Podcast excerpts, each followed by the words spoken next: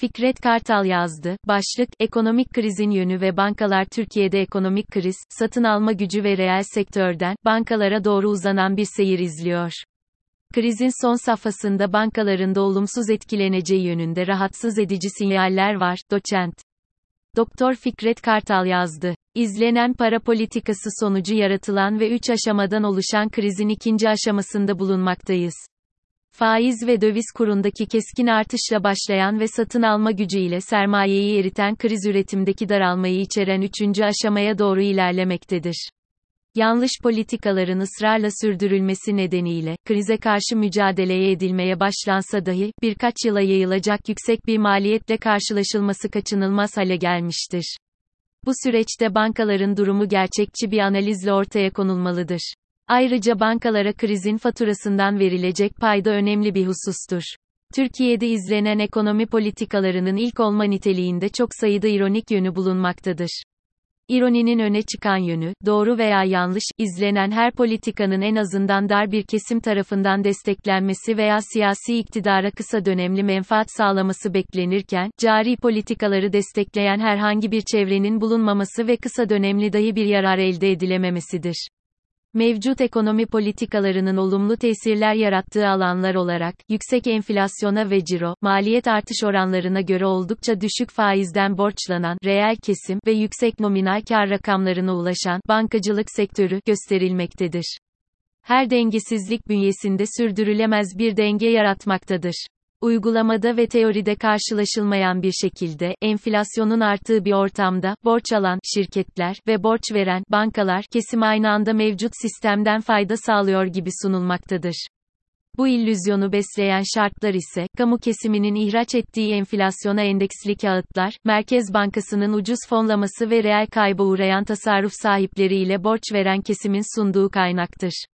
Ayrıca piyasada oluşan fiyatların, döviz kuru ve faiz, yapay olması ve gerçek oranlardan bir hayli düşük olduğu belirtilen resmi enflasyonun kişisel satın alma gücü ve şirketlerin faaliyet sonuçları üzerinde yarattığı bulanıklıkla illüzyonu beslemektedir. Mal ve hizmetlerin satış fiyatı ve geleceğe dönük planlamalar ile yatırım kararlarında dikkate alınmayan resmi enflasyon oranı sadece ücretlerin belirlenmesinde kullanılmaktadır. Diğer yandan, tüm kişi ve şirketlerin kredilere erişim olanağının bulunmadığı, hali hazırda kredi alanların bir kısmının ise geri ödeme kapasitesinin zamanla zayıfladığı, geniş kesimlerin birikimlerini tükettiği hatırda tutulmalıdır. İllüzyonun maliyeti ise şimdilik sadece yoksullaşma, yüksek enflasyon, bütçe yükü ve belirsizliğin yol açtığı karmaşadır. Karşılaşılacak ilave ve asıl maliyetlere ise aşağıda temas edilmektedir. İroninin ikinci yönü, mevcut sistemden en çok faydalandığı iddia edilen kesimlerin yüksek sesle şikayetlerini dile getirmesidir. Çünkü tüketim ve yatırım harcamaları ile faaliyetlerin devamlılığı bakımından gerekli olan faktörlerin öncelik sıralaması yapıldığında, istikrar, öngörülebilirlik, yatırımın getirisi, ciro ve karlılık beklentileri, tüketimin faydası gibi faktörler faiz maliyetinden daha üst sıralarda yer almaktadır. Faaliyetlerin akışı, yatırımlar ve planlama bir kenara konularak konu sadece finansman bağlamında ele alındığında ise, faiz değil, likidit ve kredi verilebilir fon miktarı esas belirleyicidir. Ekonomik koşulları ve faaliyetleri bir sonuç olan faize indirgeyip, anahtar özelliğe sahip diğer faktörleri ıskalamak yüksek bir fatura çıkarmaktadır. İroninin diğer bir yönü ise, sistemin tersten kurgulanması ve bedelinin halka yanlış metotla ödettirilmesi nedeniyle, ödendikçe bakiyesi artan yakıcı bir faturanın bulunmasıdır. Bedelin ödenmekte olduğunu düşünen kesimler faturanın bakiyesinin azalmadığını, tersine daha da büyüdüğünü anlama sürecindedir. İçinde bulunulan kriz, para politikasından kaynaklanan, satın alma gücünü ve sermayeyi eriterek reel sektöre ve bankalara doğru ilerleyen bir güzergahtadır. Üç aşamadan oluşan, yönü ve ulaşacağı nokta son derece açık olan krizin hali hazırda ikinci aşamasında bulunulmaktadır. İlk aşama, yanlış para politikası kararları neticesinde finansal piyasalardaki temel fiyatlar olan döviz kuru ve piyasa faizlerinin keskin şekilde yükselmesidir. Nokta. Merkez Bankası'nın belirlediği politika faizinin hangi koşullarda parasal aktarım mekanizması üzerinden piyasa faizlerini etkileyebileceğinin ihmal edilmesi krizin fitilini ateşlemiştir. Akabinde, içinde bulunduğumuz ikinci aşamada, özellikle döviz fiyatlarını takip eden mal ve hizmet fiyatları keskin şekilde artmış, bu durum vatandaş için reel gelir ve satın alma gücünün erimesiyle sonuçlanmıştır. Şirketler kesimi, bulundukları sektöre göre ciro ve gelir tarafında farklı sonuçlar üretmekle birlikte sermaye erimesiyle ve resmi enflasyonu birkaç kat aşan işletme sermayesi ihtiyacıyla karşılaşmıştır. Ayrıca birey ve şirketlerin önemli bir kısmı birikimlerini tüketmektedir.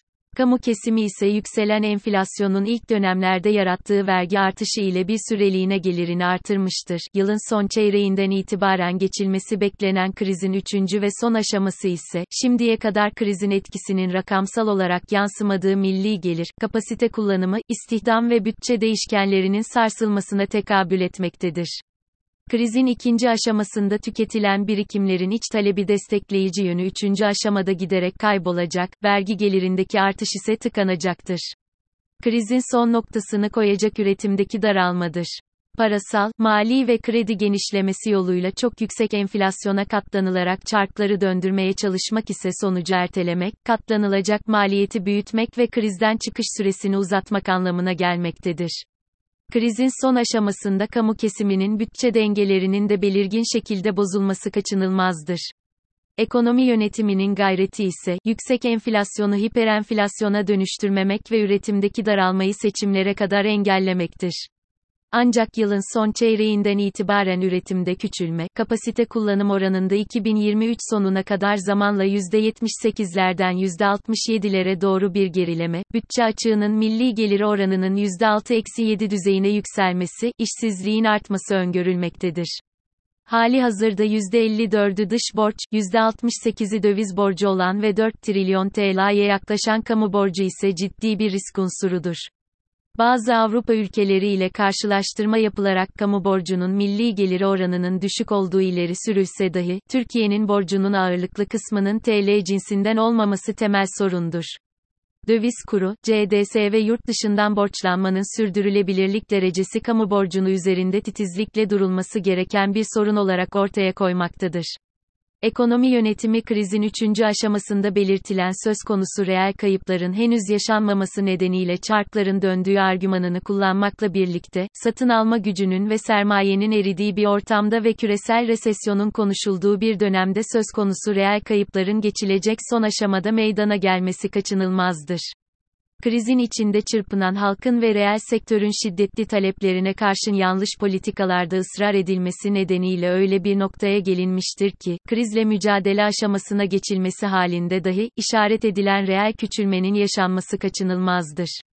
Örneğin, enflasyonla mücadele adına faizlerin keskin şekilde artırılması bir zorunluluktur. Bunun yapılması ise bir süreliğine ekonomik aktivitenin daralmasına yol açacaktır. Dolayısıyla, esas soru, yılın son çeyreğinden itibaren geçilecek krizin üçüncü ve son aşamasının en derin etkilerinin seçimden önce mi yoksa sonra mı yaşanacağıdır.